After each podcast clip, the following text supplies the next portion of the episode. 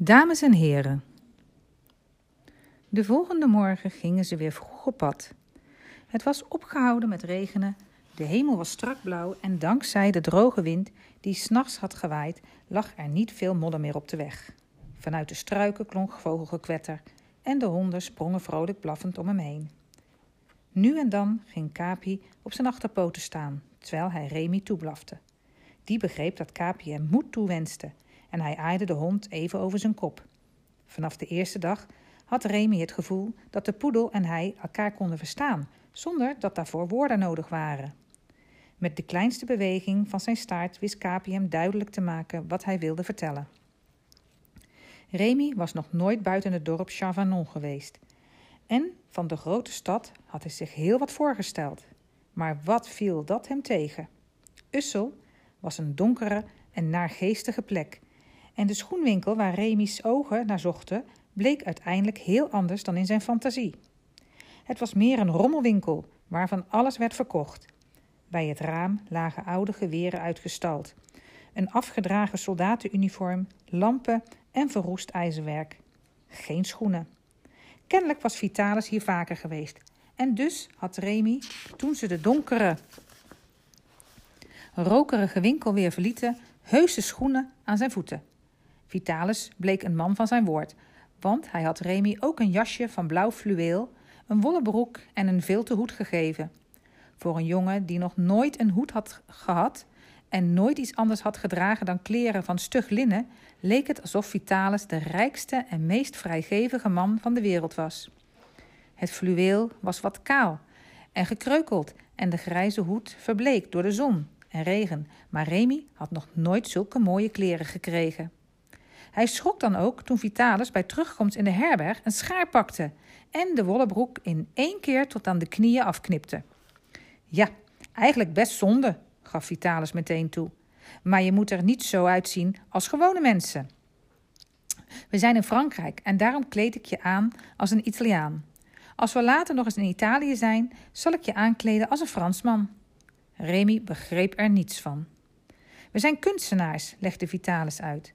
Als wij op een marktplein onze kunsten gaan vertonen, moeten we een beetje anders zijn dan de boeren en burgers die naar ons komen kijken.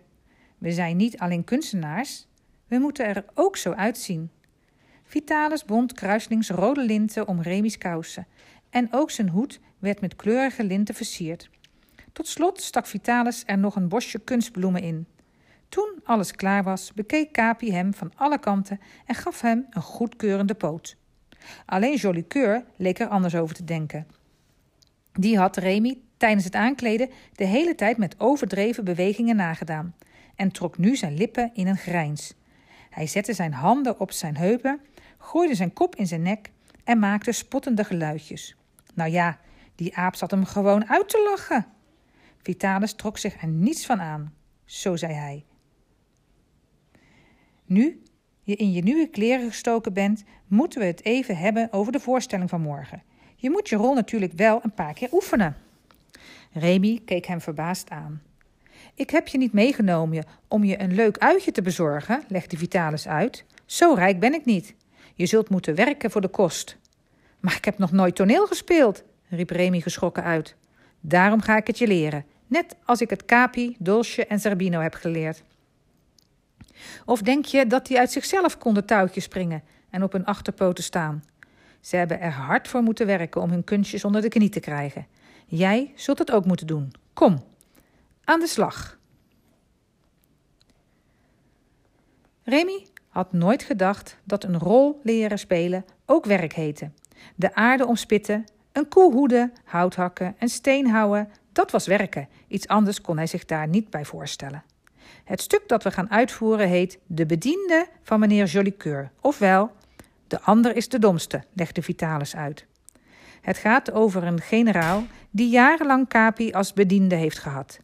Hij is zeer tevreden over de hond, maar Capi wordt oud. De generaal zoekt dus een opvolger. En dat moet dit keer geen hond zijn, maar een jongen, een boerenzoon. Dat word ik dus, begreep Remy. Maar apen hebben toch geen bediende?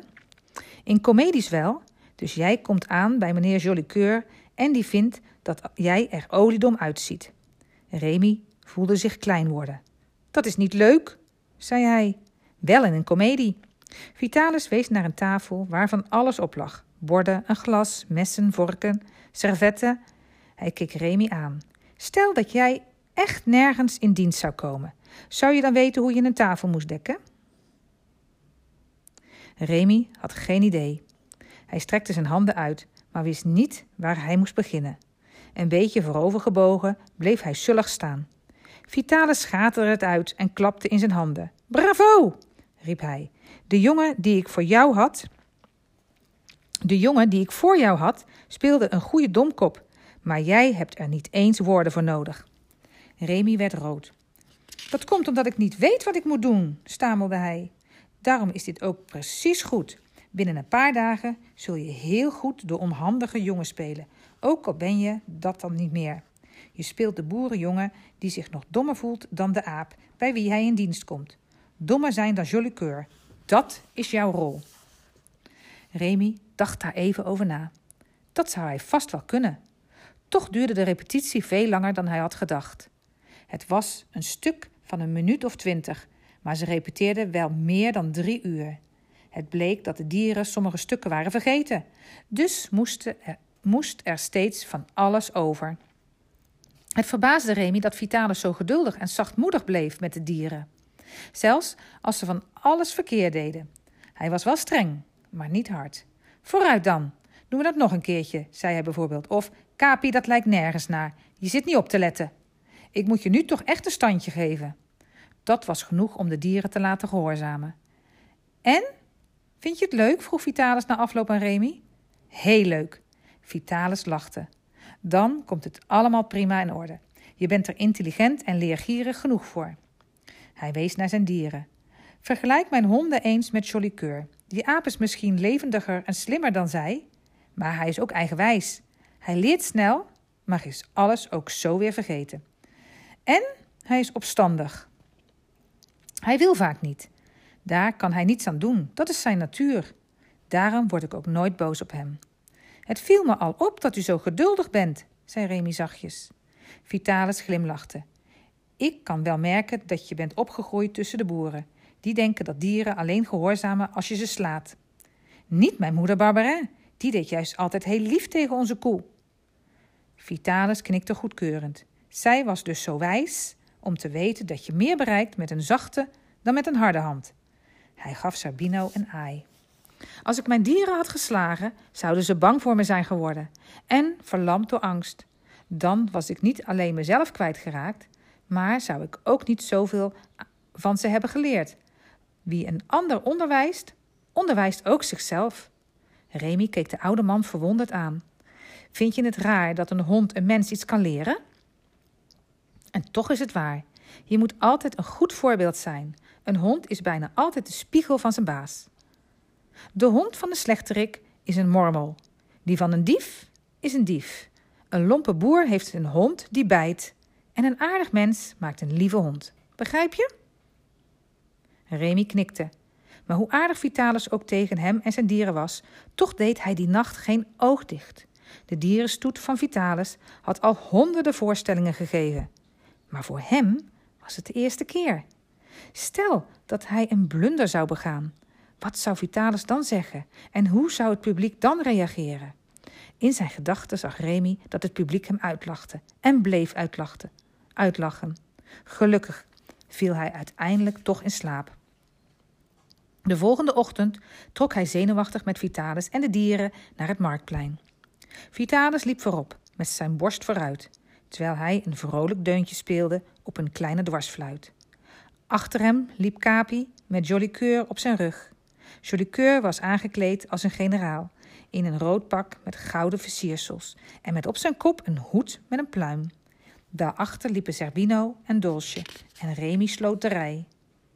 Allemaal een eindje uit elkaar, zodat het een hele stoet leek. Gelokt door het dwarsfluitje van Vitalis schoven de mensen de gordijnen opzij of kwamen nieuwsgierig uit hun huizen. Intussen liepen er al een paar kinderen vrolijk dansend achter hen aan. En eenmaal op het marktplein aangekomen, was er sprake van een heuse optocht. Vitalis en Remy zetten het toneel op. Een touw dat om de vier bomen werd gebonden, zodat er een mooie rechthoek ontstond. De voorstelling begon met kunstjes van de honden. Vitalis had zijn fluit inmiddels verwisseld door een, voor een viool en hij speelde om en om vrolijke en gevoelige melodietjes. Op het marktplein stond, het marktplein stond nu vol mensen. Op zijn achterpoten, met een centenbakje tussen zijn tanden, ging Capi de menigte langs. Als iemand niks gaf, legde hij het bakje op de grond en ging met zijn voorpoten tegen de gierigaard aanstaan. Hij blafte dan een paar keer en gaf daarna klopjes tegen de broekzak die hij open wilde hebben. Het publiek joelde en klapte. Wat een slim beest, die weet precies waar het geld zit. Onwillig werden er dan wat munten uit die broekzak opgediept en in het bakje geworpen. Tijdens zijn vioolspel hield Vitalis de boel goed in de gaten. Toen Capi met een vol centenbakje terug was, zwaaide hij met zijn strijkstok door de lucht en vroeg om stilte. Dames en heren, riep hij, en dan nu onze komedie. De bediende van Monsieur Jolicoeur, oftewel, de ander is de domste. Let goed op uw hond, uw handen. Let goed op en houd uw handen klaar om te klappen. Hij legde in het kort uit wie meneer Jolicoeur was en wie de oude bediende. De oude bediende zocht een opvolger voor zichzelf. En dat moest dit keer geen hond zijn, maar een mens. Dieren waren lang genoeg de slaaf geweest van mensen. Hoog tijd dus om het nu eens andersom te doen. Intussen had Jolicoeur een sigaar opgestoken en blies de rook vrolijk in de gezichten van het publiek. Dat alleen al veroorzaakte hilariteit en gelach. Daarna moest Jolicoeur spelen dat hij ongeduldig werd. Met rollende ogen stampte hij boos op de grond. Bij de derde stamp moest Remy aan de poot van Capi het toneel opkomen. Omdat dieren nu eenmaal niet kunnen praten, was het toneelstuk eigenlijk meer een pantomime. Bij de binnenkomst van Capi en de nieuwe bediende hief Jolicoeur zijn armen wanhopig in de lucht, liep om Remy heen, haalde zijn schouders op en keek met zo'n ondeugende blik het publiek in dat iedereen het uitschaterde. Het toneelstukje ging verder. Remy mocht de tafel dekken. Nadat hij alles helemaal verkeerd had neergelegd, snoot hij zijn neus in het servet. Wat een domme bediende! Het publiek lag krom van het lachen. Ook Capi ging op zijn rug liggen, met zijn poot in de lucht, en deed alsof hij het niet meer hield van plezier. Na veel gestuntel van Remy ging generaal Jolicoeur ten einde raad aan tafel zitten waar hij als een chic mens at en dronk. En daarna ook nog als een echte heer met een tandenstoker in de weer te gaan. Het publiek klapte luid. Wat een slimme aap was dat! En wat een stomme bediende! De voorstelling was afgelopen. Terwijl het centenbakje weer rondging, pakten Vitalis en Remy de boel bij elkaar. Dat heb je heel goed gedaan, jongen, zei Vitalis op weg naar de herberg. Mijn complimenten. Dank u wel, zei Remy verlegen. Zijn hart was vervuld van trots als moeder Barbara hem toch eens had kunnen zien.